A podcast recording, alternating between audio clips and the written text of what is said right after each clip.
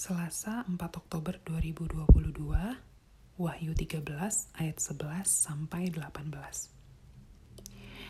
Dari laut muncul sosok monster yang berkepala tujuh, bertanduk sepuluh. Kepadanya setan memberikan kuasa supaya seluruh kepunyaan setan sendiri tunduk kepada dia. Lalu dari bumi muncul sosok seperti domba. Ya, domba yang sering kita dengar.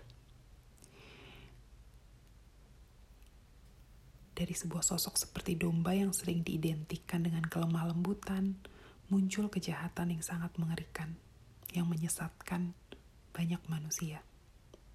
Domba palsu ini menirukan dan mengklaim diri sebagai Mesias. Dia membuat mukjizat, dia memberi berbagai-bagai pemberian yang mungkin diinginkan oleh hati manusia, dan kemudian memaksa semua manusia untuk bersujud dan menyembah kepadanya serta kepada monster tersebut. Sungguh mengerikan hidup ini ketika hati nurani tidak lagi mampu mengkomunikasikan kehendak Allah kepada kehendak kita atau hati kita.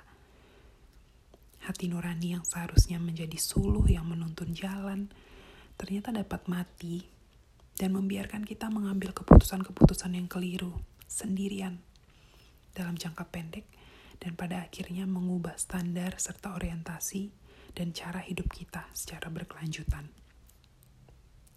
Jika kita terbiasa mengidentifikasikan Tuhan dengan mukjizat, kesenangan-kesenangan, kemudahan, dan mengenal Dia hanya sebagai gudang dari pemberian serta tentara penjaga ketika butuh kita butuh pengawalan, sepertinya akan sangat mudah bagi kita untuk mengikuti Tuhan yang palsu, yang adalah produk atau memang Dia adalah penguasa dunia ini karena itu semua memang identik dengan apa yang ditawarkan oleh dunia. Tidakkah kita takut salah mengikuti atau memilih Tuhan dan mengikuti Mesias yang palsu? Simply karena kita tidak kenal suara yang asli.